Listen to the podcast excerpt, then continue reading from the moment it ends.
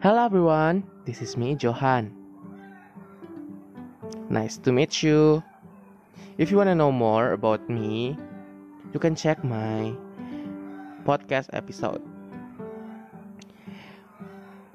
I will tell about all of my documents.